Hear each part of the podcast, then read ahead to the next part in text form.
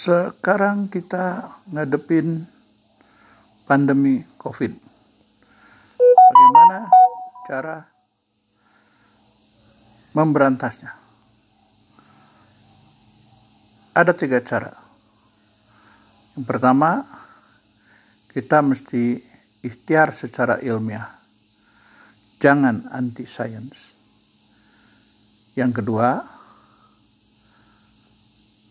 perbanyak doa. Yang ketiga, ini yang sering lupa orang lupakan, yaitu sedekah.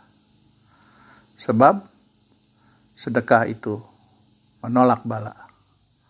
Jadi, apa pun yang kita punya, sedekahkan, kasihkan pada orang yang tidak bisa makan karena pandemi ini, yang kelaparan, yang miskin, yang diisolasi, yang perlu bantuan, pokoknya sedekah. Kalau semua banyak sedekah, maka pasti hilang si pandemi COVID ini.